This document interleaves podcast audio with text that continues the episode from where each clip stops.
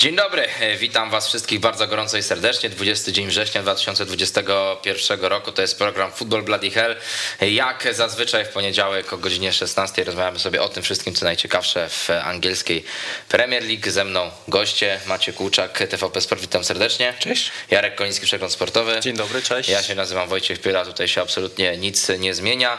E, no myślę, że nie wiem, czy to dlatego, że możemy mieć ten temat szybko z głowy, czy też nie, ale dzisiaj Paulo Souza ogłosił E, powołania na październikowe mecze reprezentacji Polski. Są e, tam przedstawiciele klubów Premier League, między innymi Przemysław Pocheta z Norwich. Mówiąc, e, ja po prostu zapytam tylko, czy jesteście delikatnie zdziwieni decyzją portugalskiego szkoleniowca? Tak sobie spojrzałem, e, chciałem zobaczyć statystyki Przemysława Płacheta, ale jeszcze nie odnotowano żadnych meczów w tym sezonie, więc e, no, niewiele danych, niewiele danych mamy. Może e, Paulo Souza wybrał się do Norwich i, i, oglądał treningi, bo to chyba ewentualnie tylko w takich okolicznościach można by Przemysława Płachetę mm, oglądać. Zresztą mieliśmy takie informacje, że on się ze skutkami COVID-u jeszcze dosyć borykał, ale myślę, że i bez tego miałby raczej daleką drogę do, do składu Norwich, więc dla mnie to, to jest powołanie. Trzy razy sprawdzałem, czy to nie fake, szczerze mówiąc. No ja policzyłem wszystkie kontakty z piłką e, w Premier League e, Przemysława Płachety. Tyle samo Nawet nie z tego sezonu, tylko w ogóle wszystkie. I wyszło na to, że tak, że tyle samo, co, co, co my wszyscy razem e, wzięci. A tak serio, no jest to dziwne powołanie, ale też wiemy, że każdy selekcjoner ma swoją grupkę piłkarzy, których powołuje niezależnie od tego, czy ktoś gra, czy nie gra. I tutaj Widocznie na tych zgrupowaniach, na których kiedyś Płacheta był u, u Paulo Sousy, nie zawiódł go, y, nie, nie, nie, nie zawalił nic, dobrze trenował, y, więc widocznie po prostu jest w tej grupie, y, która, którą, którą selekcjoner lubi i, i tylko tak to tłumaczę, no bo sportowych argumentów piłkarskich w tym sezonie Płacheta nie dał żadnych. No cóż, no miejmy nadzieję, że mm, nie będzie to już tak kiepsko wyglądało w przypadku Płochety, jak w tym meczu ostatnim na Euro grupowym ze Szwecją, kiedy no niezbyt ochoczo wracał do defensywy przy tym golu na 3 do 2 dla Szwedów, no ale też i wiemy, że e, sam Daniel Farke go e, często chwalił za te możliwości fizyczne, że mm, e, potrafi stworzyć przewagę swoimi rajdami na skrzydle w Championship. No, też niezbyt często dostawał szansę, ale no nie jest tak, że zupełnie był gdzieś tam odstawiony na boczny tor, także tak już zupełnie poważnie, no Paulo Souza być może właśnie za to bierze pieniądze, że widzi więcej niż my tutaj w studiu, więc no, chcielibyśmy, żeby to powołanie się obroniło jak najbardziej, aczkolwiek no rzeczywiście w tym sezonie w Premier League za dużo argumentów, właściwie żadnych nie dał, no bo nie dostał szansy na Ani razu nie na był występy. w meczowej, prawda? No ale widzimy też, wiemy, no wszyscy doskonale e, znacie tabelę Premier League Norwich na ten moment ostatnie miejsce, zero punktów, więc może tutaj właśnie no to powołanie będzie asumptem dla Daniela Farkę do tego, może sobie aby, przypomnę, może aby przypomnieć sobie, przypomnieć sobie o, o Przemysławie Płachecie i dostanie, dostanie swoje szanse. Też inni zawodnicy z Premier League powołania dostali, o nich sobie też pewnie jeszcze trochę pomówimy, no bo Jakub Bonder, Jan Bednarek, Łukasz Fabiański, tak, ostatnie powołanie będzie miał pożegnanie w meczu Ja dodam jeszcze jedną mhm. rzecz a propos Płachety, bo, bo czasami, e, czasami takie powołanie dla piłkarza, oczywiście ono jest nobilitujące i ono jest ważne, żeby budować e, pewność siebie zawodnika, ale z drugiej strony dla, e, jeśli Płacheta chce odzyskać miejsce w składzie Norwich, to tak naprawdę to powołanie nie jest dla niego dobre, bo ta przerwa na reprezentację, która będzie, te dwa tygodnie, no to Płacheta mógłby poświęcić na to, żeby być w klubie, trenować ciężko, pokazywać się trenerowi. Tak na przykład zrobił, pamiętamy Kalum Hudson-Odoi w, w Chelsea, który nie pojechał na młodzieżówkę, tylko powiedział, no nie, ja tutaj nie gram w Chelsea, ja chcę wywalczyć miejsce w składzie, więc zostaję w klubie. Także to fajnie, że został powołany, gratulujemy, natomiast dla odzyskania miejsca w składzie w Norwich tak naprawdę może mu to jeszcze bardziej zaszkodzić. Mhm. Mówiłem o Łukaszu Fabiańskim, no i właśnie od meczu jego klubu sobie rozpoczniemy omawianie tych wydarzeń piątej kolejki. West Ham kontra Manchester United. Y, no niedługo będzie miał powody na pewno do, do wzruszenia, też do, no do uśmiechu na twarzy na pewno Fabiański, no bo jednak e, okej, okay, żegna się z kadrą, ale, ale w sposób taki dosyć huczny. No niestety zbyt wiele powodów do zadowolenia nie miał po zakończonym meczu z United. Ostatecznie zwycięstwo Czerwonych Diabłów 2 do 1, aczkolwiek no wydarzenia, zwłaszcza w końcówce tego meczu były niesamowite. Zobaczmy sobie grafikę pokazującą liczbę punktów, jakie zdobył Manchester United z pozycji drużyny przegrywającej od początku tamtego sezonu. No i widzimy, że to jest kolosalna przewaga nad Liverpoolem. Leicester i e, resztą e, ligi potrafią, potrafią mentalnie e, pokazywać swoją siłę podopieczniej Legunara Solskiera. Tak samo było w tym spotkaniu, bo przecież przegrywali po golu Benramy. Jak wam się podobał ten mecz, panowie? No czasem tak jest, jak e, oglądamy dużo spotkań i tak naprawdę leci mecz po meczu, to, to czasem się tak ogląda już bardziej z, przyzwyczajenia. Natomiast to był taki mecz, no, który szczególnie ta końcówka bo musiała każdego rozgrzeć, bo najpierw, e, no pewnie sobie jeszcze o tym porozmawiamy, ale chyba najpierw w ogóle gol Jesse'ego Lingarda. To raz, szczególnie po tym jak popełnił błąd w Lidze Mistrzów, no to sam fakt, że znalazł się na boisku, to pewnie już u wielu kibiców Manchester United najpierw wywołał złość, tak dziwili jak ten, jak ten Lingard mógł się w ogóle pojawić. Potem przecież te rzuty karne niepodyktowane na, na Ronaldo. Na koniec jeszcze rzut karny dla West Hamu obroniony przez Dawida Dehe po raz, po raz pierwszy od 40 rzutów karnych wreszcie, wreszcie 11 obronił, więc naprawdę to taki mecz, który musi podnieść z fotela, kanapy, czy gdzie się ten mecz e, oglądało i, i to na pewno na, na, duży plus, bo, bo to był taki mecz, w którym no, obie drużyny też e, grały o, no, najpierw o zwycięstwo, potem West Ham o remis, bo yy, i dobrze się to bardzo oglądało, naprawdę taki mecz, w którym pewnie wydarzeniami z ostatniego kwadransa to można by obdzielić, y, no nie wiem, może nie pół kolejki, ale przynajmniej z dwa mniej emocjonujące spotkania. I to też fajnie, że czasem są pisane takie historie nieoczywiste, jak ten Jesse Lingard, który no w Manchesterze United, kiedy wrócił, to, to raczej wyglądał na kogoś takiego, kto znów popadł w taką przeciętność i że wcale nie będzie ważnym elementem tej drużyny. A on nie tylko wchodzi i strzela gola, strzela pięknego gola, jest fajnie przywitany przez kibiców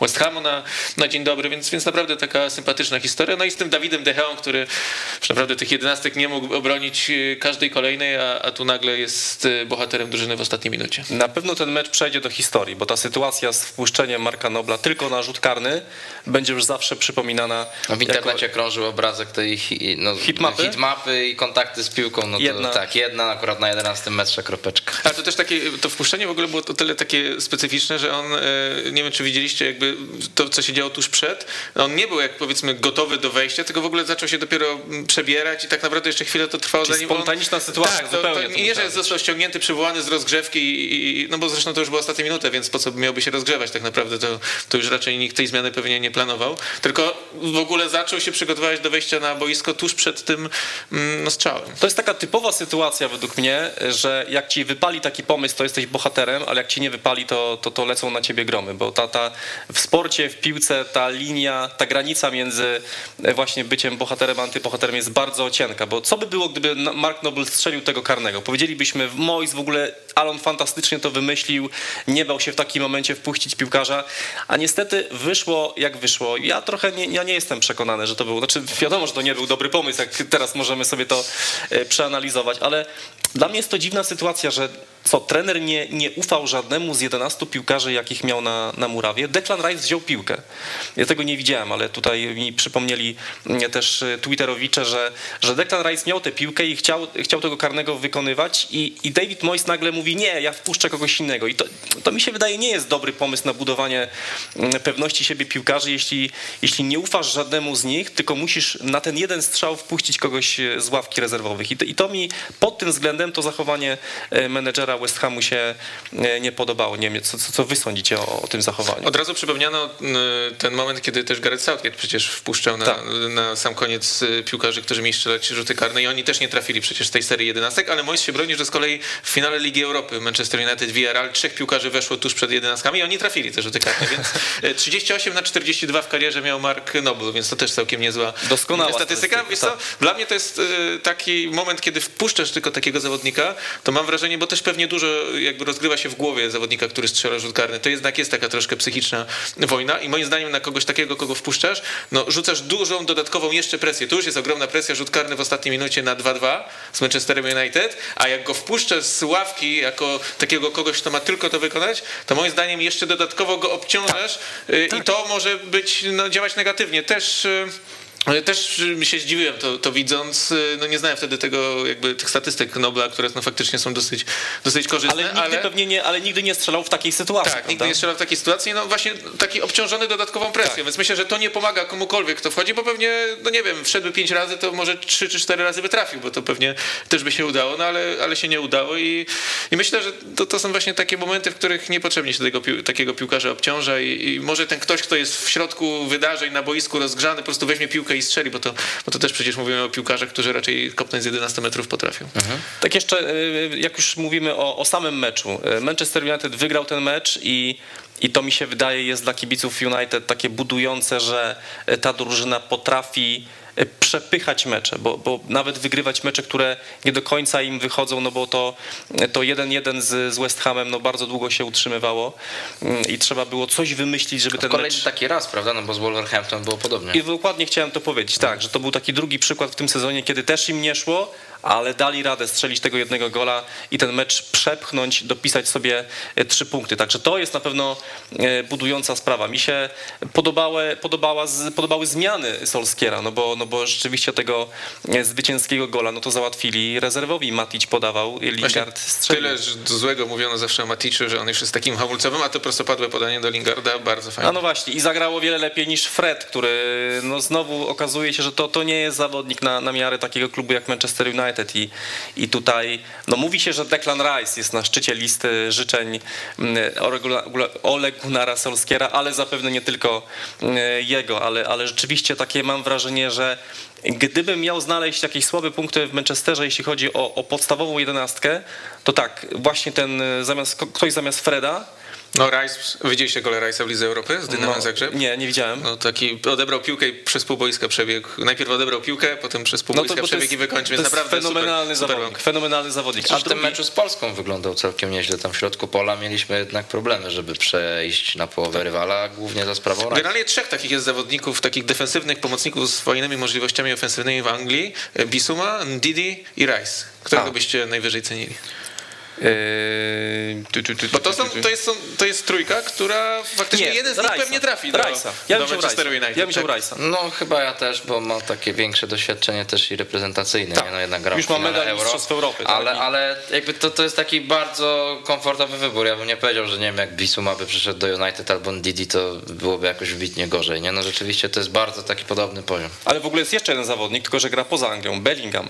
Bellingham. Jude Bellingham, tak, prawda? Tak, tak, to też tak, jest tak. no, przyszłość To w kontekście Liverpoolu też trochę się widziałem, o nim, o nim mówiło ostatnio, no ale e, zobaczymy jak to będzie. Jeszcze jeden piłkarz, Jasne. bo mówiłem o dwóch takich słabszych ogniwach powiedzmy w United. Aaron Wan-Bissaka. Ja mam takie wrażenie, że to jest piłkarz, który na pewnym etapie się zatrzymał. To znaczy, on ciągle jest naprawdę bardzo solidny w obronie, ciągle jest go trudno mm, ograć, ciągle potrafi czysto wślizgiem wyłuskać piłkę, natomiast y, dosyć mało daje w ofensywie. I to jest taki, mam wrażenie, zachwiana trochę harmonia, bo z drugiej strony widzimy, jak po drugiej stronie boiska się Luke Shaw rozwinął. I tutaj takim przykładem meczu słabego Arona Wanabisaki był ten mecz w Lidze Mistrzów przeciwko Young Boys Berno, kiedy jak wszedł Dalot za niego, to wyglądało wiele lepiej. I, I tutaj tak się zastanawiam, czy tutaj też nie jest taka pozycja, na której mm, no, albo będzie Solskier pracował nad, nad rozwojem dalszym Bisaki, albo może będzie szukał nowego No latem sporo się o Trippierze mówiło, że może tak. trafić, ale jakoś no, nie doszli do, do porozumienia. Tam chyba ale... były rozmowy, tylko tak. nie doszli do porozumienia, prawda? To tak, chyba tak, tak to było. No. Ale no faktycznie ta dysproporcja między Showem a Wan Bisaką jest spora, takie niemal w każdym meczu się to powtarza. Podoba mi się jak Luke Show zaczyna biec i rywale się od niego odbijają. On tak czasem wchodzi w jakiś taki pojedynek bark w bark i ten rywal, ktokolwiek to nie jest, to zaraz ląduje na ziemi, a Luke Shaw biegnie dalej. Naprawdę progres tego zawodnika na przestrzeni gdzieś tam roku czy półtora jest, przecież on u Jose Mourinho to był odstawiony w ogóle, tam miał zakaz wejścia na boisko. No wręcz tam był mobbing. Tam był a, przecież... a naprawdę teraz wygląda na gościa, który jest no, najlepszym lewym obrońcą w Anglii. Mhm. Zawiódł was West Ham trochę? Czego zabrakło Motu tutaj w tym meczu według was? No, no, nie, no to troszkę zawiódł, chociaż z drugiej strony no, długo, długo trzymał ten wynik remisowy, więc mhm. nie, nie, możemy powiedzieć, że bardziej West Ham, jeśli miał mnie gdzieś zawieść, no to tydzień temu przeciwko Southampton, mhm. no to był bardziej mecz na, na wygranie mm, tego spotkania, a z United, no to też wiemy, że gdzie jest United, no to jest w tym momencie trzecia drużyna w Anglii, więc każdy, kto gra, z nią gra, musi się liczyć z tym, że może przegrać to, to, to spotkanie. Więc... No i był też Michał Antonio. No właśnie, duże... też bym wskazał na ten, no właśnie, tam, tam tego napastnika brakuje i, i też o tym mówiliśmy, że jak Antonio jest zdrowy, to będzie ok, natomiast co, co będzie, jeśli go zabraknie? A do Łukasza Fabiańskiego byście mieli pretensje trochę za tego gola Ronaldo? On oczywiście później miał mnóstwo dobrych interwencji, między innymi tego samego Ronaldo powstrzymał w sytuacji sam na sami. Ogólnie rzecz biorąc uważam, że no można go ocenić pozytywnie, ale... W pierwszej połowie miał taką fantastyczną interwencję mm -hmm. po strzale Fernandesza. Fernandesza też, tak, tak. No ale było trochę pretensji tak, za ten gol, no bo to siłą rzeczy zawsze gdzieś tam zastanawiasz się nad bramkarzem, kiedy no, on odbija piłkę przed siebie i Ronaldo ją dobił. No to jest zawsze, to jest zawsze dokładnie ta sytuacja, o której mówisz. Jak wypuszczasz piłkę z rąk, to y, można się do ciebie przyczepić. Ten strzał był bardzo mocny, to też trzeba to powiedzieć. Natomiast y, no niestety taka jest brutalna prawda, że jak wypuszczasz piłkę w takiej sytuacji nie do boku, tylko przed siebie, że dajesz możliwość e, dobitki napastnikowi, to to jest to po prostu twój błąd. Ale dosyć duże zaufanie, znaczy generalnie zdziwiłem się, że w West Hamie w Lidze Europy nie broni Areola, bo mhm. myślałem, że będzie, będzie taka przynajmniej rotacja, więc jakby się Areola pokazywał w tej Lidze Europy, to ewentualnie mógłby pewnie stanowić może na, w dłuższej perspektywie czasowej jakieś zagrożenie dla Fabiańskiego, ale jeśli nie ma, jeśli nie gra w Lidze Europy, no to tak naprawdę myślę, że, że na razie ta pozycja mhm. Fabiańskiego jest dosyć pewna. Mhm. Tak zamykając temat tego meczu jeszcze o tę ofensywę Manchester United was zapytam po przyjściu Cristiano Ronaldo zauważacie taką tendencję, że więcej trochę dośrodkowań się pojawiło, że Cristiano Ronaldo to jednak jest taki zawodnik, który mm, najwięcej Manchesterowi daje jako ten właśnie gracz, który umie się w polu karnym odnaleźć, grający dobrze głową. E, na czym na przykład być może trochę traci Mason Greenwood, czy, czy niekoniecznie? No, Mason Greenwood ostatnio jest troszkę niewidoczny. Ten początek sezonu miał e, znakomity, natomiast rzeczywiście ostatnio tych liczb jakoś nie, nie, nie dostarcza, więc e, no wiecie, no to jest, no tak, tak się niby mówi, że, że, dla, e, że trochę ta dysproporcja jest teraz w Manchesterze United, że ten Ronaldo to jest oczywiście ogromna wartość, ale też jakiś problem dla, dla Solskiera. Ja bym się akurat jakoś tutaj specjalnie nie, nie czepiał. Po prostu Manchester ma genialnego gracza, który w czterech meczach ma trzy gole, jeśli dobrze Czy wiecie, bo to, bo to ja nawet nie mówię, że to w kontekście problemu, bo przecież y, gol z Young Boys był strzelony właśnie po takim podaniu z boku boiska, teraz mm -hmm. też przecież z West Hamem, więc no Manchesterowi to po prostu przynosi gole, tak? Tylko, że no czy gdzieś może w dłuższej perspektywie e, no może być jakaś jednowymiarowość, czy nie, czy tutaj po prostu tak się te mecze układały. No pamiętajmy, że niedługo jeszcze wróci Rashford, pewnie też teraz więcej będzie grał Cavani, więc myślę, że te możliwości, które ma Solskier w ofensywie, no będą się tylko zwiększały i na przykład nie będą e,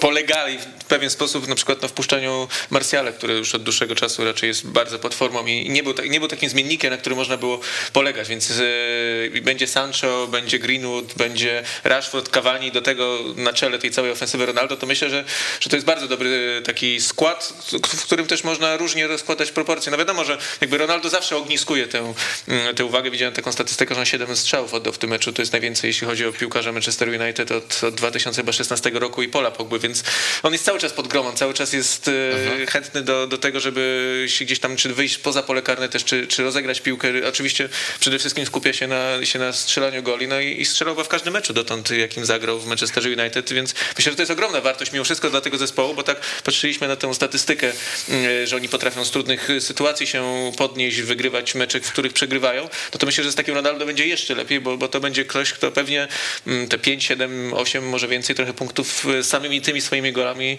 dorzuci. No i to... też myślę, że tylko jest ciekawe, ciekawe jak będą na nim te rzuty karne gwizdali, bo no, no dla mnie, nie wiem jak dla was, ale te dwie, z tych dwóch sytuacji to przynajmniej jeden rzut karny nie, no, powinien być, jak nie dwa. No zresztą Solskier powiedział po tym meczu, że mam nadzieję, że w Premier League nie ma teraz nowej zasady, że na, nie gwiżdżemy karnych na Ronaldo. Mhm. Więc rzeczywiście był bardzo y, zdenerwowany na tę sytuację. Uważam, że też przynajmniej tego jednego karnego United powinni dostać. Mhm. No dobrze, słuchajcie, zostajemy w Londynie, ale przenosimy się na derby tego miasta. Tottenham kontra Chelsea, zwycięstwo ekipy prowadzonej przez Tomasa Tuchela 3 do 0, gole Thiago Silva, Golo Kante, Antonio Rudigera, Thiago Silva swoją drogą drugi najstarszy piłkarz w historii Chelsea, który strzela gola. Tak niedawno o Ronaldo mówiliśmy w tym kontekście.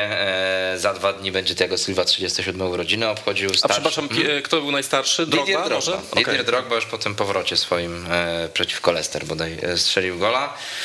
Mamy też grafikę odnośnie do tego spotkania, porównującą dwie połowy w wykonaniu Chelsea, no bo jednak no, różnice są w statystykach zauważalne, ale też i w myślę no, takim odczuciu optycznym. Nawet Marcin Ryszka, którego serdecznie pozdrawiam, myślę, że by zauważył różnicę. 3 do 0 zwycięstwo. Y, była zmiana y, Masona Mounta, zmienił N'Golo Kante, też fajne takie słowa Cezara Aspilicuety, który y, odnośnie właśnie tej sytuacji mówił, że wszyscy są na tyle pokorni w Chelsea, aby to zaakceptować, więc też Tuchel radzi sobie chyba z tym zarządzaniem szatnią. Jakie macie wrażenia po tym spotkaniu? No to, to, jest, to jest rzeczywiście fajna zagrywka z, tym, z tą zmianą e, kan, e, Manta, Mounta na Kantę, bo teoretycznie patrząc na same nazwiska, to była to zmiana defensywna, defensywna prawda? Mhm. Ale właśnie o to chodzi, że trener po prostu jest e, mądrzejszy od nas, mądrzejszy tak jak Paula Sosa tak. być mądrzejszy od nas. Dokładnie tak. I dlatego okazało się, że ten Kante, mimo że jest zawodnikiem bardziej defensywnym, to On został, został rzucony na przedni odcinek gry, żeby presować mocno, żeby cały czas tych wywierać presję na zawodnikach Tottenhamu, przez co oni po prostu w pewnym momencie przestali grać, bo nie wiedzieli jak, jak to zrobić, nie mieli pomysłu. W pierwszej połowie jeszcze w miarę to wyglądało. Tottenham zagrał nie jak Tottenham, miałem takie wrażenie, czyli, czyli było, były sytuacje, było, była gra do przodu. Dąbele całkiem nieźle. Tak, natomiast radził. po przerwie oni totalnie przestali grać I, i to właśnie ta zmiana, ten kantek, który zaczął ich po prostu kąsać tam e, z przodu, no sprawił, że oni się zupełnie pogubili i Chelsea z minuty na minutę zaczęła mm, dochodzić do głosu i strzeliła trzy gole, także suma summarum, no to naprawdę bardzo dobry mecz Chelsea. Dla mnie Chelsea, tak jak sobie ich obserwuję w tym sezonie, to taką, taką maszyną do wygrywania się stali. Naprawdę, nawet jak nie idzie w pierwszej połowie, bo ta, ta pierwsza połowa była taka przeciętna, to, to w drugiej odpowiednie zmiany i personalne, i taktyczne i tak naprawdę wygrywają no, bardzo wysoko, bardzo pewnie, bo przecież tych sytuacji jeszcze było kilka. Sam Timo Werner pewnie przynajmniej gola mógł dołożyć, jak nie, jak nie więcej. Też yy, wielowymiarowość tej, tej drużyny, bo i po stałym fragmencie gry yy, Thiago Silva i Antonio Rudiger zachowujący się w polu karnym rywali jak rasowy napastnik, bo, bo nie wiem, czy widzieliście ten ruch Rudigera, jak on najpierw poszedł na pierwszy słupek, potem natychmiast wycofał i, i no strzelił tak, jakbyśmy pewnie od wielu napastników e, oczekiwali. Więc dla mnie naprawdę Chelsea jest taką drużyną, która robi na początku sezonu największe wrażenie, bo mam wrażenie, że oni są tacy odporni na wiele rzeczy, które w trakcie meczu się dzieją. Może trochę nie tak, nie do końca im się gra układa, a koniec końców potrafią te mecze wygrywać. Oni przecież w tym sezonie zagrali już na wyjeździe z Arsenalem, Liverpoolem i Tottenhamem. Z tych trzech meczów y, przywieźli 7 punktów, no, z czego z Liverpoolem grali jedną połowę w 10. 10 na 11 i to nadal był taki mecz, który no, może nie, że byli blisko zwycięstwa, ale to nie było tylko okopanie się we własnym polu karnym i gdzieś tam liczenie na to, że sędzia zakończy spotkanie i, i jakoś dotrwamy z tym remisem, więc e, jeszcze jeden piłkarz, który może się mniej mówi, ale na mnie w Chelsea robi w ostatnich miesiącach bardzo duże wrażenie, Mateo Kovacic, bo wiadomo, że N'Golo Kante, Jorginho to są tacy ludzie, którzy najbardziej skupiają uwagę w środkowej strefie, ale Kovacic naprawdę też jest takim zawodnikiem, mam wrażenie, coraz ważniejszym dla tej, dla tej drużyny świetnie zbudowany przez Tomasa Tuchela, też duży udział w ty, przy tym golu N'Golo Kante, bo on tam powalczył o odbiór piłki, więc y, no naprawdę na razie Chelsea wygląda na taką drużynę no nie do dotknięcia, nie do, mm, nie do ruszenia. Mhm. To jest niesamowite, że za czasów Tuchela w Premier League Chelsea ma więcej czystych kąt niż straconych goli. 15 czystych kąt, 14 straconych goli. Myślicie, no że jest możliwe pobicie albo wyrównanie tego wyniku z sezonu 4-5? Tam 15 straconych goli miała Chelsea za kadencji Mourinho przez cały sezon. No pewnie, że jest. Jasne, że jest. Tylko no, no właśnie, to, to, to, są, to jest ten rekord jest tak wyśrubowany, że na pewno będzie o to e, bardzo trudno, ale jak patrzę, jak Chelsea gra w obronie, to, to jest coś nie, nieprawdopodobnego. To są, to są potwory normalnie w, mhm. w, w defensywie.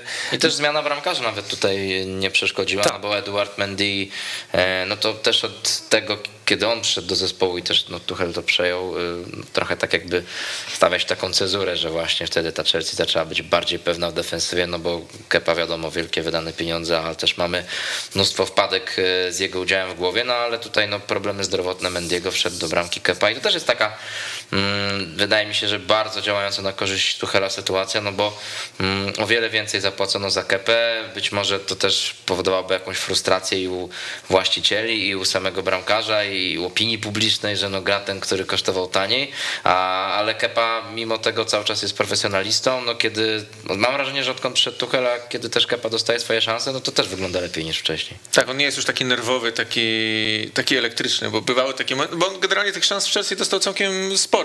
Czasem to wynikało właśnie z jakichś kłopotów też zdrowotnych Mendiego, czy, czy generalnie jakiejś takiej rotacji, ale, ale kiedy wchodził, to, to strach było piłkę, kiedy on miał w rękach, czy kiedy w ogóle miał interweniować, a teraz faktycznie jest takim bramkarzem, który poniżej pewnego poziomu nie schodzi. Może nie jest bohaterem tych meczów, może nie broni tak dobrze jak Mendy, ale przynajmniej daje taką w miarę e, przewidywalność. No jeśli ty mówisz o tym rekordzie, czy, czy oni pobiją, no na razie stracili w pięciu meczach jednego gola i tego jednego gola stracili po rzucie karnym przecież z Liverpoolem, Aha. czyli z gry w pięciu meczach nie stracili żadnej bramki, z Zenitem w Lidze Mistrzów wygrali też do zera.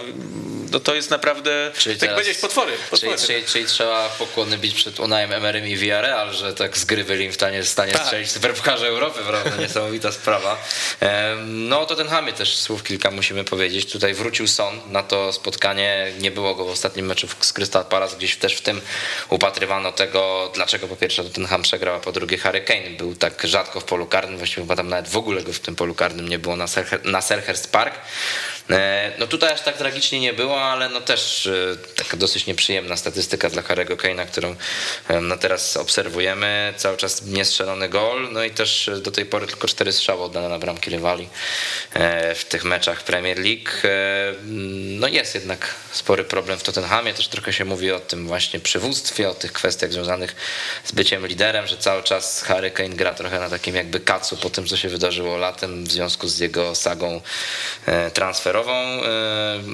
No Roy Keane zwraca uwagę, że raczej on nie, nie jest tym takim zawodnikiem, który czasem krzyknie na kogoś, że zmobilizuje go, podbuduje, tylko, tylko raczej no, swoją nawet taką mową ciała czy postawą nie za bardzo inspiruje kolegów. Też często jest poza polem karnym, ok, zdarzało się tak, że no to wychodziło z korzyścią, czy to dla Tottenhamu, czy reprezentacji Anglii, ale no jednak mam wrażenie, że w tym spotkaniu też widoczne było to, że czy w tych meczach na początku sezonu, że, że no trochę Kane zatracił z tego swojego takiego instynktu strzeleckiego.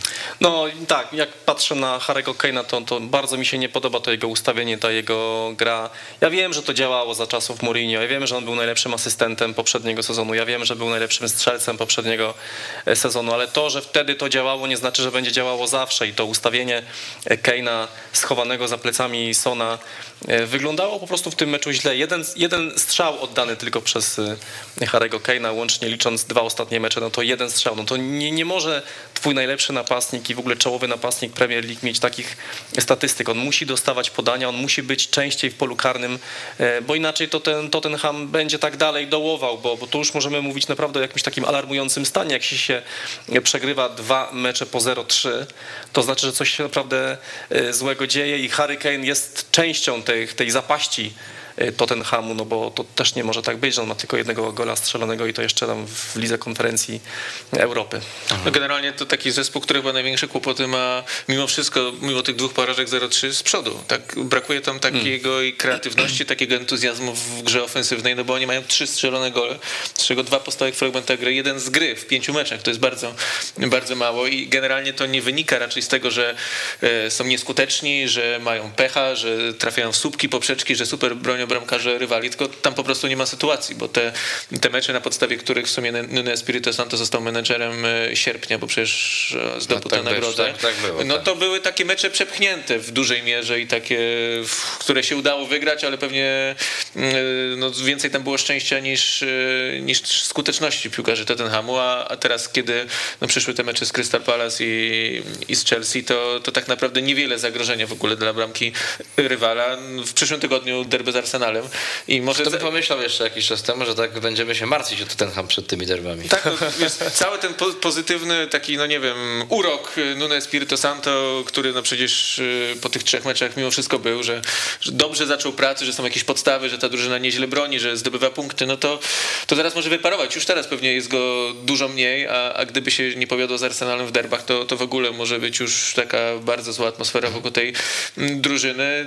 Też widać, że próbuje Nuno Espirito Santo, no bo choćby przewrócił tego Dombele, o którym przecież jeszcze kilka tygodni temu się tak wypowiadał niezbyt przychylnie, tak. że w ogóle tam nie ma co myśleć o tym, że on będzie grał i, i w ogóle gdzie on tam do, do, składu, że na razie niech pracuje. Całkiem nieźle ten Dombele zagrał w, w, pierwszej połowie, chociaż, no mówię, ta pierwsza połowa nie była zła, tak y, jakby z, wiadomo, że ten wynik 3-0 trochę zamazuje obraz tego, że w tej pierwszej połowie to był w miarę wyrównany mecz, no ale po przerwie już Chelsea pokazała tak, na, tak naprawdę, że to my jesteśmy zdobywcą Ligi Mistrzów, my gramy o mistrzostwo, a Tottenham to jest taka drużyna, która pewnie jak, jak się w ogóle zakwalifikuje do pucharów, to będzie dobrze i, i pewnie takie są jej ambicje. Oczywiście też pamiętajmy o kontuzjach, no bo one też po, poniekąd y, po części przeszkodziły Tottenhamowi. No i w sytuacji, kiedy trzeba było gonić wynik, dać impuls zespołowi, no to z ławki wchodzi Skip i Hill a jak trzeba było dać impuls w Chelsea, to wszedł Kante, a potem wszedł Werner. Jest różnica, prawda, dosyć, dosyć znacząca, więc e, tu mi się wydaje też po prostu brak e, takich jakościowych piłkarzy, który też wynika no, z tego, że no właśnie nie było Bergwajna, nie było, nie było Maury. No właśnie, też tutaj to wejście Timo Wernera, myślę tak y, zamykając temat tego meczu, warto wspomnieć taki chyba pozytywny impuls, jeden z niewielu w ostatnich tygodniach dla Niemca, no bo wydawało się, że po tym przyjściu Romelu Lukaku takiego pozycja słabnie, słabnie coraz bardziej. On pojechał na reprezentację, tam się trochę odkuł, bo w każdym meczu strzelał gola pod wodzą nowego trenera Hansiego Flika. E, no ale tutaj też tak przypomniał sobie e, w końcówce tego meczu, że jeszcze naprawdę też może być użytecznym zawodnikiem, czasem być może też od pierwszej minuty. E, ciekaw jestem, jakiego ta też przygoda w Chelsea się w tym sezonie potoczy, no bo pamiętamy rok temu, kiedy przychodził, no to on miał być tą największą gwiazdą w ataku, kimś w rodzaju Romelu Lukaku teraz, a w ostatnich tygodniach już się jakieś tam plotki zaczęły pojawiać, że może Erlinga Halanda zastąpić w Borussii Dortmund, jeżeli ten po zakończeniu O. sezonu odejdzie, także no zobaczymy co. Kiepska zmiana w sumie, coś czuję. No, wiesz, no niewątpliwie transfer gdzieś tam, wiesz, z Chelsea do... Pokazał się teraz znowu z tego, co jest najbardziej znany w Chelsea, czyli z asysty, bo on tych asyst naprawdę ma bardzo Tak, miał dużo. ich chyba 11 wtedy, ale, no, ale też pamiętam jedną sytuację z tego meczu, jak mm, mógł strzelić gola i się zupełnie pogubił. Mówisz Mimo, że... sam na sam.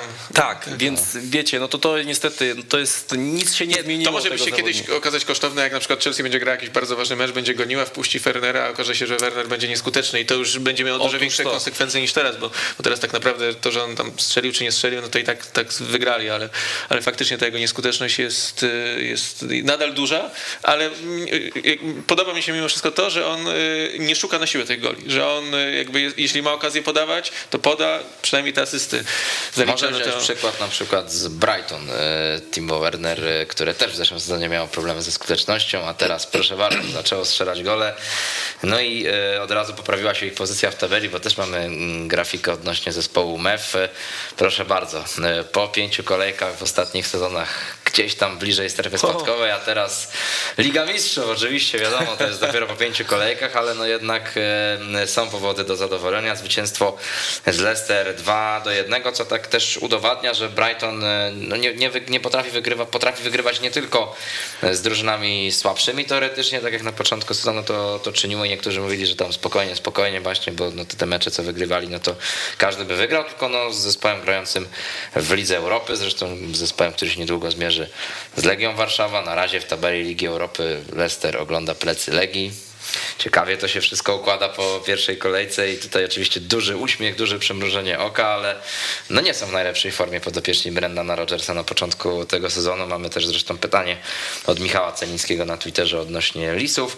Leicester notuje słabą pasce, zarówno jeśli chodzi o wyniki, jak i grę. Co jest tego główną przyczyną i co może dawać nadzieję na, i co może dawać nadzieję na poprawę według was?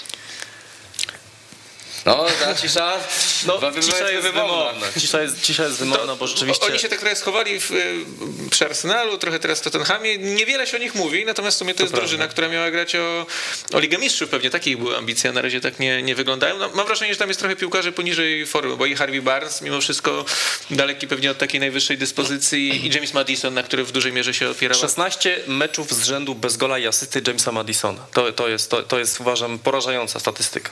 Tak, no i oni jednak w dużej mierze się na tym e, opierali, no i to wejście na razie na przykład Patsona Daki też jest takie, powiedziałbym, nie, nie za łatwe do ligi, ale też mieli, trzeba uczciwie powiedzieć, że w tym meczu z Brighton mieli trochę pecha, no bo strzeli dwa gole po bardzo niewielkich, spalonych, szczerze mówiąc tego jednego gola, no, jakby tak inter- interpretując prawo jeden do jednego, no to, to trzeba było tego spalonego pokazać, natomiast tam chodziło o spalonego Barnesa, który no, był minimalnie na pozycji spalonej, ale bramkarz i tak by w życiu nie, nie obronił te, tego, tego strzału po, po rzucie rożnym, zdaje się.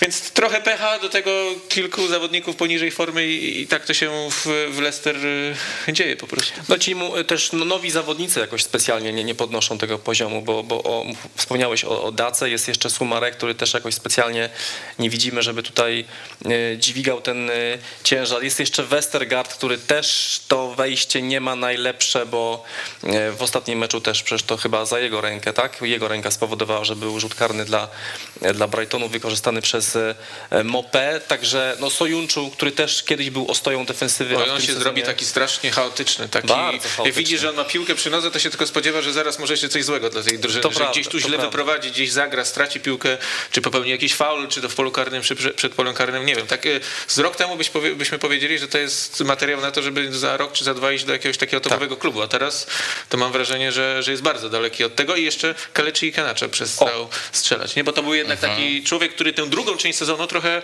y, pociągnął Leicester. Pociągnął, tak, Bo tam z kolei Jamie Vardy troszkę mniej strzelał i on wszedł w, w te buty najlepszego strzelca drużyny, a teraz też jakby powrócił do takiej przeciętnej formy, którą w sumie tam przez, przez dłuższy czas w Leicesterze. Mhm. Ale ja bym na alarm jeszcze nie bił, bo zauważcie, że ostatnie dwa sezony to były takie, że Leicester mocno zaczęło, przez długi czas naprawdę było cały czas w czołówce, w czołówce a końcówkę sezonu zawsze zawalało i wypadało ze strefy top 4. Teraz mamy odwrotnie, to znaczy wejście mają do w sezon e, trochę słabsze i zobaczymy, może w dalszej części sezonu będą się rozkręcali i z kolei ten finish będzie w ich wykonaniu e, bardzo dobry. Także ja tutaj jeszcze się wstrzymam przed, jakimś, przed jakąś wielką Tak, bo to, krytyką. mówię, ten mecz z Brighton, ja sobie obejrzałem takie bardzo obszerne, fragu, sk- obszerne fragmenty skrót, no to, to mniej więcej tak od 60 minuty, no to był naprawdę taki akcja za akcją w zasadzie, akcja, akcja za akcją Leicester I, i gdyby oni tam przynajmniej zremisowali, a nawet wygrali, to szczerze mówiąc by nie nie, było trzeba byłoby mieć do nikogo pretensji, czy mówić o jakiejś niesprawiedliwości, więc tak się trochę ten mecz poukładał, że, że i pecha też tam trochę było.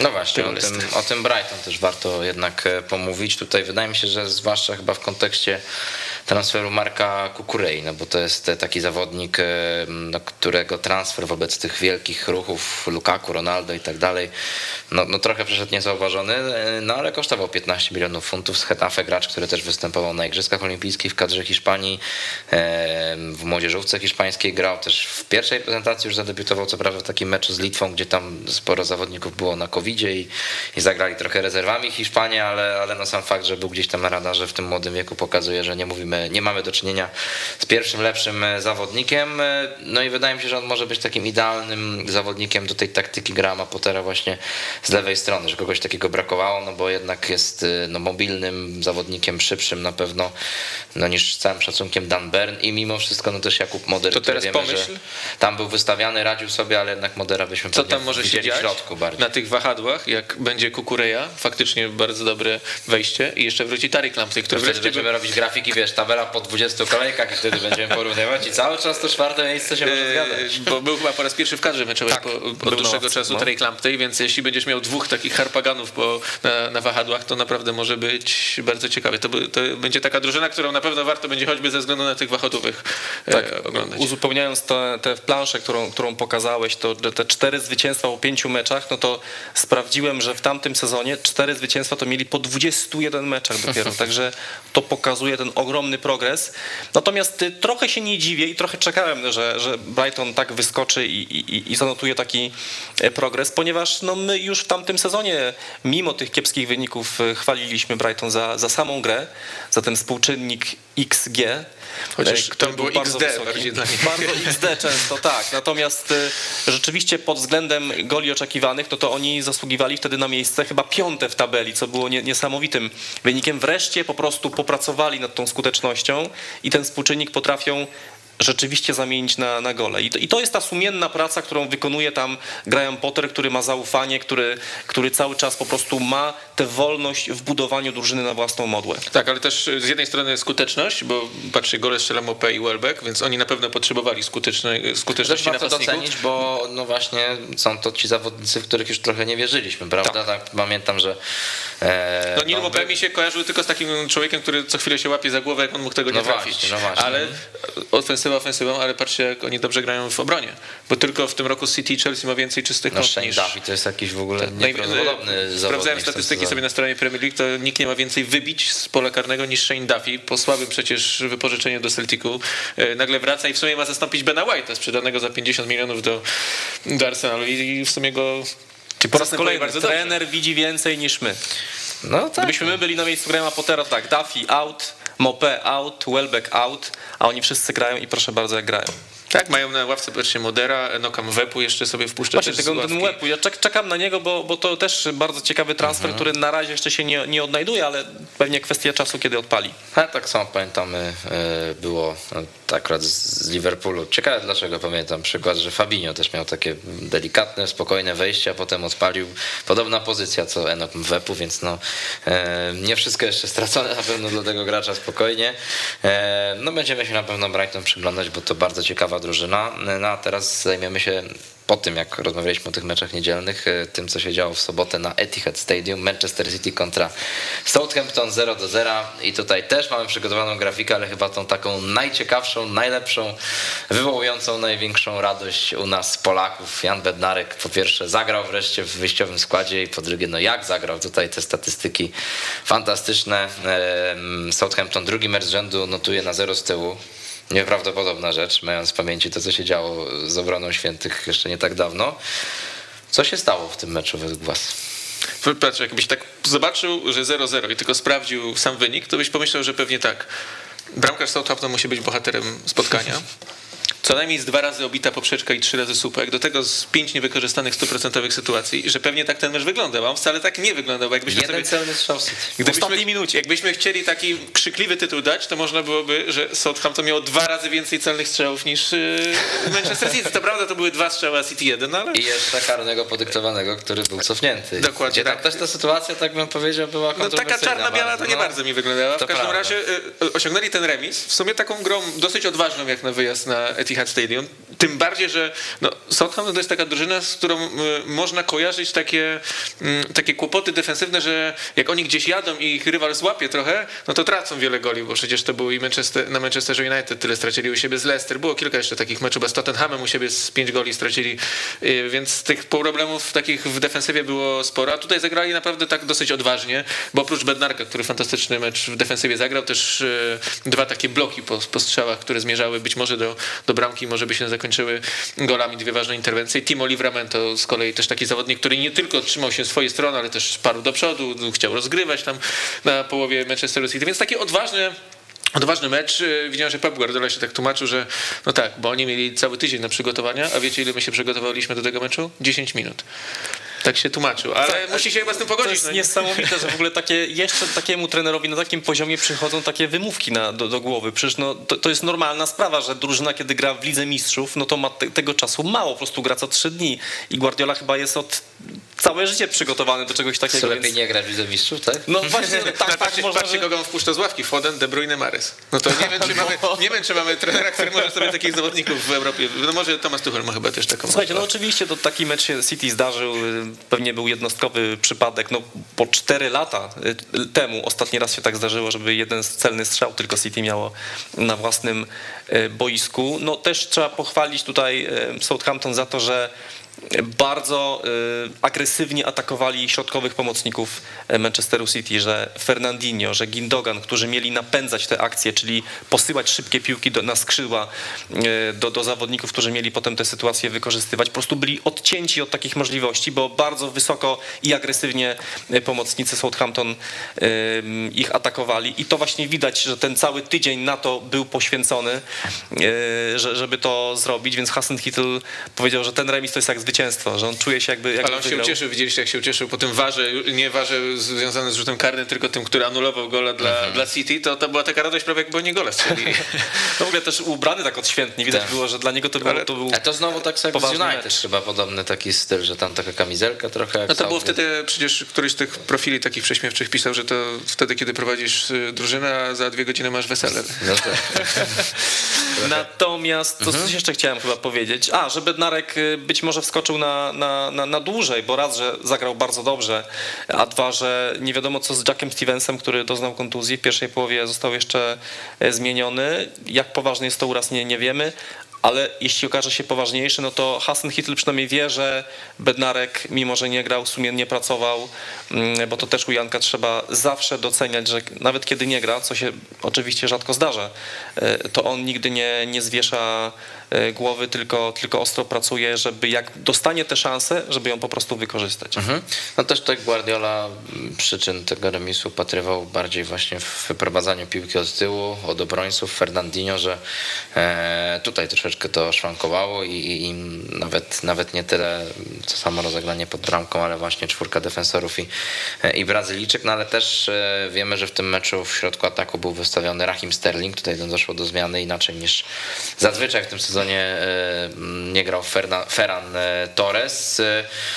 Zawiódł was po raz kolejny Sterling na tej pozycji, bo mimo tego, że na tym Euro 2020 on miał lato swojego życia chyba i naprawdę no, był głównym punktem ofensywnym, na którym skupialiśmy się chwaląc reprezentację Anglii, no to po tym powrocie do City mam wrażenie, że tak wróciła e, stara, niezbyt przyjemna dla Sterlinga rzeczywistość. No pamiętam, że on przed tym Euro miał już słabszy moment taki w Manchesterze City, bo na wiosnę to nie był za bardzo takim zawodnikiem istotnym dla tej, dla tej drużyny. No to też, e, patrzcie, centymetry decydują o tym w sumie, jak go postrzegamy, bo gdyby był kawałek bliżej to i strzelił zwycięskiego gola, to by można powiedzieć, no wreszcie Rahim Sterling się przebudził i wreszcie To jest tym... to, o czym mówiłem, że granica między bohaterem a Tak, jest naprawdę jest bardzo, bardzo, bardzo mała. A w oderwaniu od tej sytuacji. E, ale na pewno, na pewno jest takim zawodnikiem, który no, lepiej gra w reprezentacji, to są często tacy piłkarze, lepiej gra w reprezentacji, tam się, był przez lata. tam się lepiej czuje niż, niż ostatnio przynajmniej w klubie.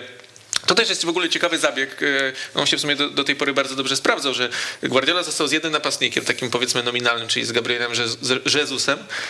I on go przestawił na prawe skrzydło. Już teraz nie gra e, Gabriel przecież w ogóle w, w, ataku na tej powiedzmy pozycji numer 9, tylko, tylko z boku. Notował tam asysty, strzelał gole, więc w zasadzie to, to było uzasadnione i się broniło, ale faktycznie no, taki brak e, jakiegokolwiek napastnika, takiego no, nominalnego e, i, i fakt jakby, że no, nie będzie go w Manchesterze City pewnie do końca sezonu, no, chyba że zimą kogoś sprowadzą, ale no, pewnie nie ma się co spodziewać, że nie wiem, Harry Kane to na przykład będzie.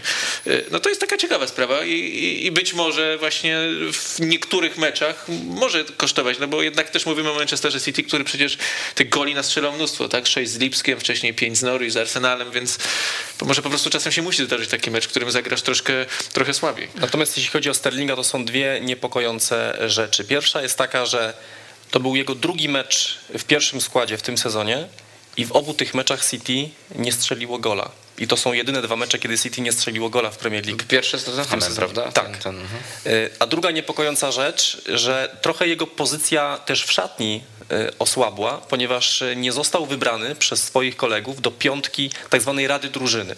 W tamtym sezonie wynotowałem sobie, do Rady Drużyny należeli Fernandinho, De Bruyne, Gindogan, Walker i Sterling. Mhm. I kiedy doszło do głosowania, bo to piłkarze głosują y, przed sezonem, okazało się, że Sterling, Sterlinga z tej grupy wypchnął Ruben Diaz. I teraz okay. on jest w tej piątce. I to też mam wrażenie dla piłkarzy, bo my dzisiaj możemy powiedzieć, a jakie to ma tam wielkie znaczenie. Na tym poziomie kiedy ci piłkarze e, potrzebują takiej ogromnej pewności siebie, kiedy ego tam w tej szatni bucha, dla takiego Sterlinga, który jest w tym klubie, coś dla niego zrobił, przywiózł teraz srebro Mistrzostw Europy do klubu i okazuje się, że w głosowaniu kolegów nawet nie jest w piątce najważniejszych piłkarzy w klubie, Mam wrażenie, że to o czymś świadczy, że tutaj jest jakiś, jakiś kłopot, że może już nie ma tej takiej chemii ogromnej, jaka była kiedyś i, i, ta, i ta przyszłość Sterlinga no jest stoi pod znakiem zapytania. Bardziej, że tam jest kwestia nowego kontraktu, znaczy na razie tego chyba, że te negocjacje się toczą jakoś bardzo powoli. Więc... Tak, bo zauważmy, dużo piłkarzy w ostatnich miesiącach podpisywało nowe kontrakty. Ederson, De Bruyne, John Stones i tak dalej, i tak dalej. Sterling na razie cisza. Mhm.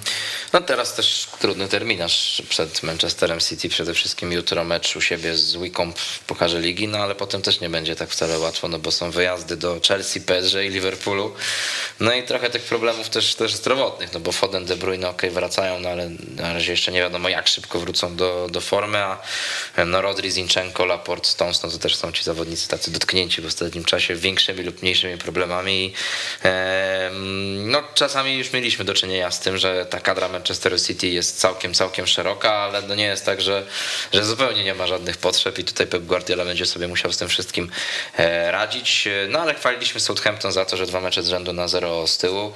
Jest też inny zespół Premier League, który ma dwa mecze z rzędu na zero z tyłu i nawet wygrał swój mecz, nazywa, nazywa się Arsenal.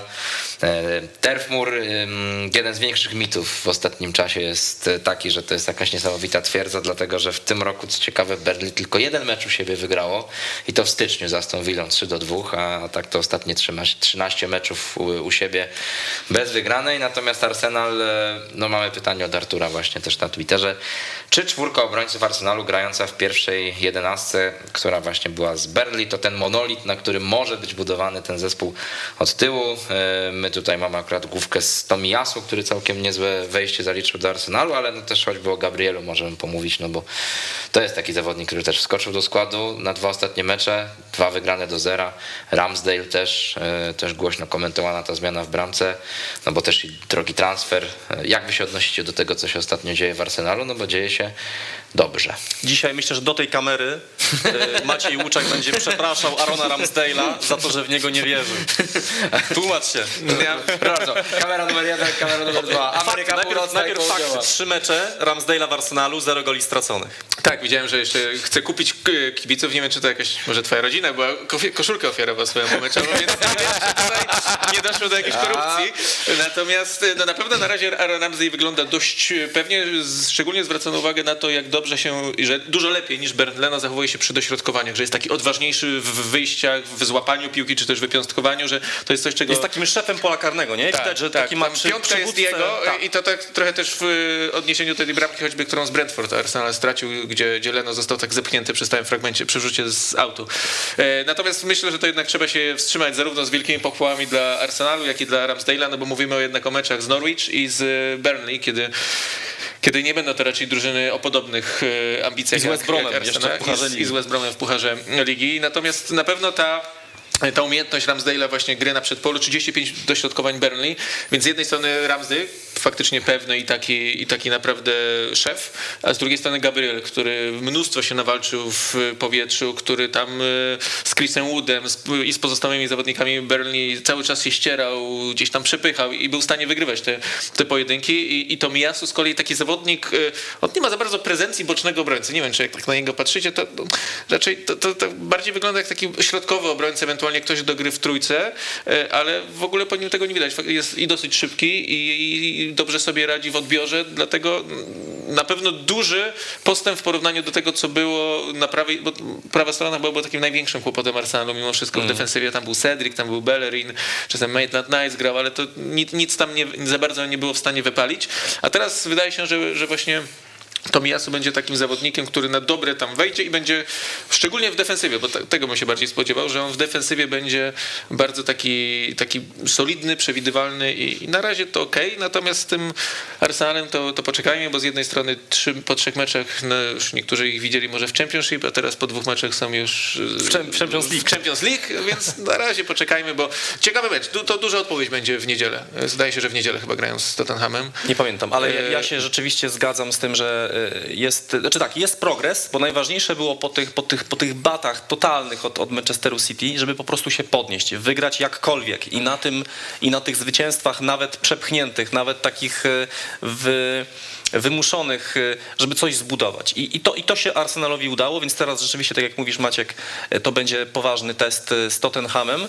Natomiast odpowiadając na pytanie naszego widza, tak, według mnie to jest właśnie ta obrona i, i to jest chyba najlepszy No, garnitur. nie wpuszczać tam żadnego Pablo Mariego, Cedrica, Tak. w ogóle trzymać się od To jest najlepszy garnitur, jaki w obronie ma Arsenal. Jeśli, I jeśli to nie wypali, no to już w takim razie Arteta będzie się chyba pakował w takim razie, bo, bo rzeczywiście tam piłkarzy lepszych do obrony już nie ma. Jeśli, Mhm. jeśli, i, i, I to jest ta linia obrony, która myślę będzie teraz e, tworzyła ten trzon. I teraz tylko niech kibice Arsenalu się modlą, żeby nie było żadnych kontuzji, żeby tam przypadkiem Chambers znowu nie dostał szansy i, i może Dla niego dobrze. też zakaz pojawiania się na boisku, a z kolei w ofensywie takim, bo to nie był wielki mecz Arsenalu w ofensywie, ale Nie był, Odegaard nie był. był. takim zawodnikiem Kto to? troszkę Odegaard. Oczywiście. Wprowadzającym nie tylko gol z rzutu wolnego, ale też kilka ciekawych prostopadłych podań. No jeśli cokolwiek dobrego się działo, no to przede wszystkim na, właśnie na podstawie gry mm, Odegarda, ale faktycznie ta druga, bo z Norwich to wygrali w zasadzie będąc cały czas y, atakując i, i będąc w, w jakby z przodu. Natomiast tutaj w drugiej połowie oddali w dużej mierze pole i tak wybronili to 1-0. Mhm. No Tomasa Parteja też bardzo chwalił trener Mikel Arteta, no ale trudno się dziwić, no bo też w nim upatruje takiego swojego pewnie N'Golo Kante, y, którego też przecież tak wychwalaliśmy y, w trakcie y, trwania tego programu. Burnley ma jeden punkt po pięciu meczach, ale to wiemy, że to się jeszcze chyba nie ma co przejmować, bo w zeszłym sezonie było podobnie na początku, Szondajsz coś tam... Aż tak dziwiło wybrali. Szondajsz umowę przedłużył? Bo dla mnie to takie wyglądało, że on się tam może powoli żegnać, że już tam wszyscy są sobą zmęczeni tak trochę. E, wiesz co, Nie wiem, no w sumie nie zastanawiałem się nad tym, ale z drugiej strony nie zdziwiło mnie to o tyle, że no, on już w tym klubie jest tak długo i ch chyba jemu ta rola odpowiada takiego budo budowniczego, który, który wiecznie musi budować i który wiecznie też się zmaga z kłopotami, bo tych piłkarzy nie dostaje jakich chce i, i tych transferów jest mało. A może on czerpie z tego radość?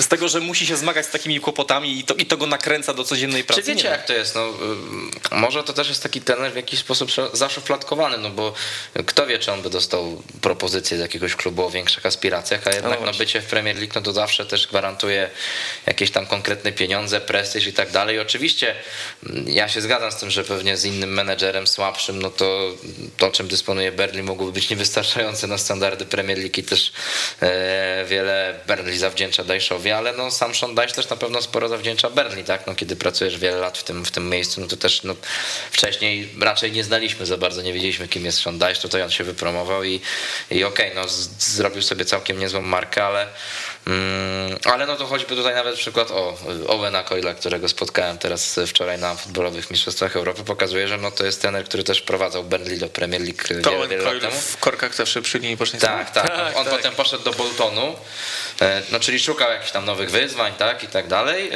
no i szło mu tak przeciętnie, skończyło się to spadkiem z ligi, później jeszcze był Wigan, no i powiedzmy, że de facto gdzieś tam z tej karuzeli e, trenerów Premier League wypadł, ale oczywiście pewne nawyki pozostały, bo wczoraj, jak tak nie wiem, staliśmy, rozmawialiśmy może z 6 minut, akurat Anglicy grali mecz o piąte miejsce z Włochami, a futbolowy jego syn jest trenerem tej kadry, to tam, nie wiem, w ciągu tych pięciu minut to ze trzy razy sędziego tam obraził, czy ze cztery krzyczał, także tam widać, że jako ojciec trenera po prostu, więc widać, że tam jednak przy tej linii też trzeba było być... A w korkach był, czy nie? Nie, nie, nie, w korkach nie był. E, kurteczka, koszula, elegancko, klasa, bardzo chwalił Kraków, organizację turnieju, także no, kto wie, e, Michał Probierz i Adrian Gula nie powinni spać spokojnie spokojnie, bo Owen Coyle już chętnie może do Krakowa przyjechać, ale oczywiście to tak z dużym, dużym przymrużeniem oka. Aston Villa Everton jeszcze to jest mecz, na którym się chciałem na chwilkę skupić, no bo starcie dwóch zespołów no, mających pucharowe aspiracje, myślę, że nie będziemy tego ukrywać i oni też tego nie ukrywają. E, dosyć gładkie zwycięstwo De Villans 3 do 0. E, z pozoru pewnie zaskakujące, aczkolwiek no, jak sobie spojrzymy na to, czym dysponował Everton w tym spotkaniu, no to już jednak chyba trochę ten obraz robi się bardziej klarowny, no bo nie było Calverta Luina, nie było Richarlisona, nie było Pickforda, nie było Colmana no bądź co bądź to są dosyć istotni zawodnicy. Rondon w ataku, no to jest jakby no, wyjaśnienie to... wszystkiego. Ulubieniec Rafa no, ale to w ogóle, że on przyszedł, no wiesz, ja bym się zdziwił, jakby on nie przyszedł.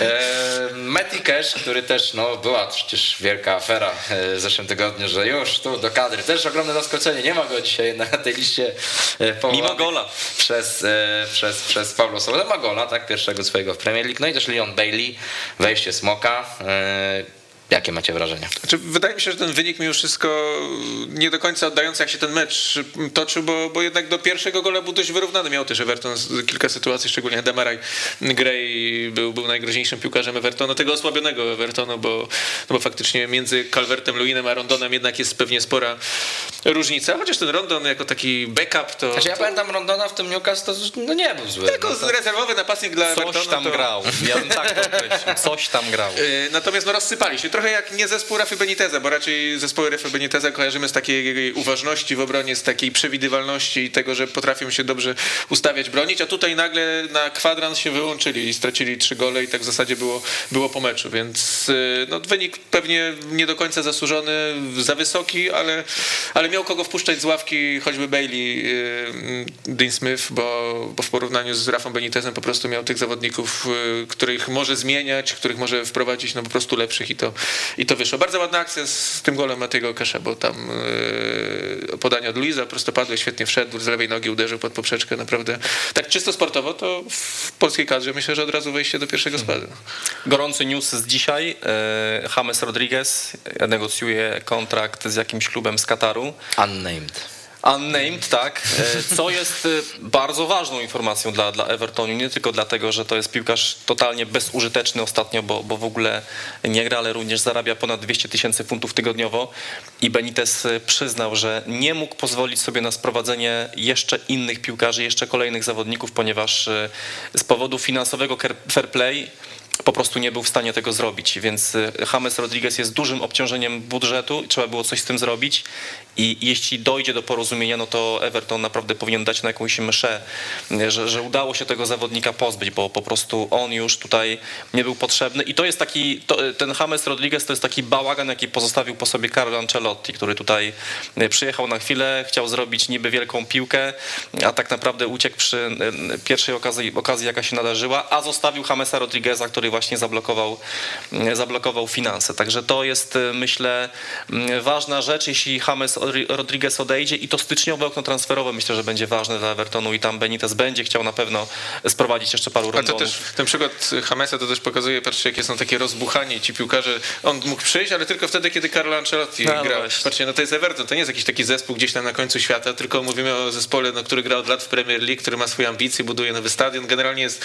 ważną częścią miasta Liverpool. Przychodzi taki James, jak odchodzi trener Ancelotti, to on już w ogóle nie ma ochoty tą grać. Tak, to jest tak, takie teraz... smutne, generalnie taki, jak wygląda świat piłki. I teraz właśnie... Jeszcze bo... ile tam zarabia, powiedziałeś, tak? Ponad no, 200 dokładnie tysięcy. tak. On też miał COVID oczywiście, trochę po, po, części go to tłumaczy, ale ostatnio dlaczego nie, grał, nie zagrał w tym meczu? No, Może Benitez... nie wiedział, że z nim nie grałem, bo to wiesz, przecież nie pierwszy przypadek. Ale Benitez mówi, no James powiedział, że tak czuje jakiś tam drobny uraz w swoim mięśniu którymś tam, więc nie chcieliśmy go ryzykować. No to już, już ja z tych słów wyczytuję, że po prostu szukał wymówki, żeby tylko nie, nie musieć grać, więc to, to jest dla mnie już nie, nieprofesjonalne. Mhm. No dobrze, słuchajcie, no to tak na koniec jeszcze przed tym segmentem fantazy, na który oczywiście jak zawsze najbardziej e, czeka angielska e, komanda e, Jarka Kolińskiego.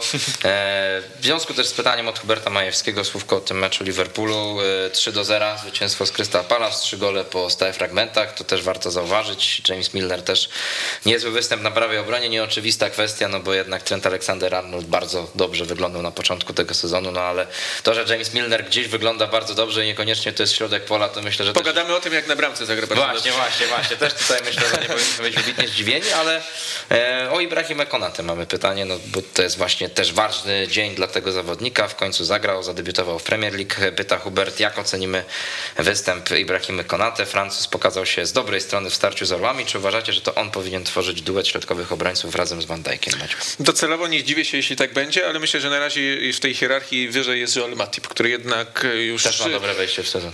Po pierwsze dobre wejście w sezon, po drugie myślę, że już jakby no, dłużej współpracuje z Klopem, który myślę, że mu ufa, bo też kojarzę Matipa jako takiego trochę cichego bohatera tego sezonu, kiedy Liverpool zdobywał Ligę Mistrzów. Wtedy już też u boku Van Dijk'a naprawdę prezentował się bardzo dobrze, więc myślę, że generalnie no, przez te już lata obecności Liverpoolu za, zapracował na większe zaufanie, a ten Konate będzie spokojnie wprowadzany, y, ale też w tym pierwszym meczu no to w zasadzie pytanie, też stwierdzenie mm, Aha. było takie, że zagrał bardzo dobrze, no tu się trudno nie zgodzić, bo no, trafił na Christiana Benteke, na Wilfrida Zaha, czyli no taki powiedzmy duet, który może sprawić kłopoty i już paru obrońców na nim poległo, a tutaj Konate sobie poradził dobrze. Też myślę, że w ogóle Jurgen Klopp, tak patrząc na skład Liverpoolu, y, troszkę jest pomny tego, co się działo w poprzednim sezonie. Patrzcie, nie zagrał też Robertson, tylko wszedł Simikas, y, też dał odpocząć Matipowi, który zagrał kilka meczów, meczów z rzędu, więc no to, to jest takie, takie mądrzejsze zarządzanie kadrą. Oczywiście na miarę możliwości, bo Liverpool aż tak y, szerokiej kadry nie ma, jak tam City czy No dzisiaj też informacja o tym, że Thiago wypada teraz na te dwa najbliższe mecze z Norwich w Pucharze Ligi No to będzie chyba, to moim zdaniem jest chyba najbardziej groźne dla Liverpoolu. To znaczy, jeśli tam będą wsypały się kolejne urazy, bo, bo oni jednak nie mają takiej szerokiej kadry, już przecież wypadł Elliot na, do końca pewnie sezonu. Teraz jeśli Tiago, no to, to jeszcze nadal nie jest źle, ale no tam każdy kolejny uraz to może być już coraz większy kłopot. Mhm. No dobrze, słuchajcie, no to proszę bardzo, zobaczmy sobie składy fantazy. Zacznijmy od mojego. E, wyjątkowo dobrze mi poszło w tej kolejce, nawet nie wiem dlaczego, nie wiem jak się skromny. cieszyć. Nie wiem jak się cieszyć. No 72 punkty to jest naprawdę wynik, e, jak sobie spojrzałem choćby na tą naszą ligę headlinerzy i sprzątaczki, no to trzeci chyba, czy czwarty. No to ja tak nieprzyzwyczajony jestem do przebywania w tych rejonach. Tony, kolejny dobry występ, tutaj też to warto powiedzieć, bo to chyba był taki zawodnik, którego z kolei wilkom brakowało. Tam Podobno w szatni Brentford ktoś go nazwał nowym Didierem Drogbą. Trochę za wcześnie chyba jeszcze, ale... No tak, ale pewnie gdyby grał w drużynie Bruno Larza, no to mogło być trochę więcej punktów. Dobrze, na... że jest Anglikiem, słuchajcie, to może jest jakaś no podpowiedź dla mnie. A już się pojawiają też oczywiście w niektórych angielskich mediach pytania, a może go do kadry, także, także wiecie, to, to, to, to częste zjawisko, to z Bamfordem tak było, choćby w zeszłym sezonie też Beniaminek też trochę tam postrzelał, no i... Ale on tak wygląda mi na takiego napastnika, co ma gola. Jak jest w polu karnym, coś kopnie, tu się przestawi, tu uderzy i, i, zaraz raz tylko tak, wpada tak, do bramki, tak. bo przecież... Salach na kapitanie myślę, że Dwa gole z, z, spalonych? Dwa gole, znaczy dwa goli mu nie uznali jeszcze w pierwszym połowie przecież. Jeden, na pewno, a drugi no może i dwa. je- jedną przyjął sobie ręką, a drugą był na spalonym. Tak, masz rację. Tak, tak, tak. Salah na kapitanie też myślę, że to jest taki dosyć dobry wybór na ten sezon i Ben Foster wskoczył mi do bramki z ławki rezerwowych, no bo miałem Mendiego. No i tak samo Ben Foster w rzeczywistości wskoczył z ławki rezerwowych, zastępując A widzieliście ten Bachmana. wywiad z Benem Fosterem? Tak, fajnie. To jest taki pozytywny, taki A, już okej. człowiek, który zagrał tyle meczów, wiesz, na końcu swojej kariery on ma taki entuzjazm do gry, jest tak jakiś taki radosny, że udało mu się zagrać, to, to fajne. To taki Fajne. kontrast do Jamesa Rodrigueza, który nie ma ochoty grać w ogóle w piłkę. No i Watford pokonuje Norwich 3 do 1 swoją drogą też no cały czas duże kłopoty ekipy Daniela Farkę przegrywają mecz za meczem, no ale zobaczymy jak to będzie dalej się rozwijać. Maciek, zobaczmy twój skład. Ja niestety poległem na kapitanie, to znaczy oszukał mnie Diego, Diego Jota, bo nie wiem, czy też widzieliście, ale przecież miał 200% sytuację. Gdyby strzelił na to tych e, punktów, No byłoby tak. troszkę, e, troszkę więcej. Też, e, no co poszło nie tak.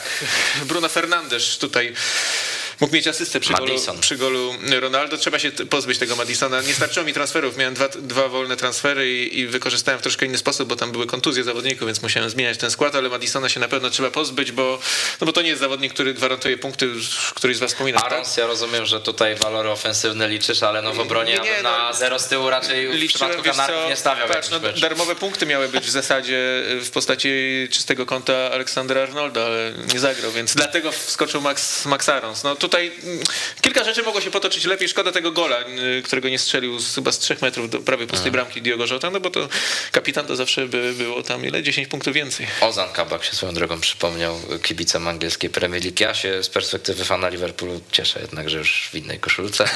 Jarku, proszę bardzo, teraz, e, Teraz reprezentacja Anglii. reprezentacja Anglii. Bez Toneja.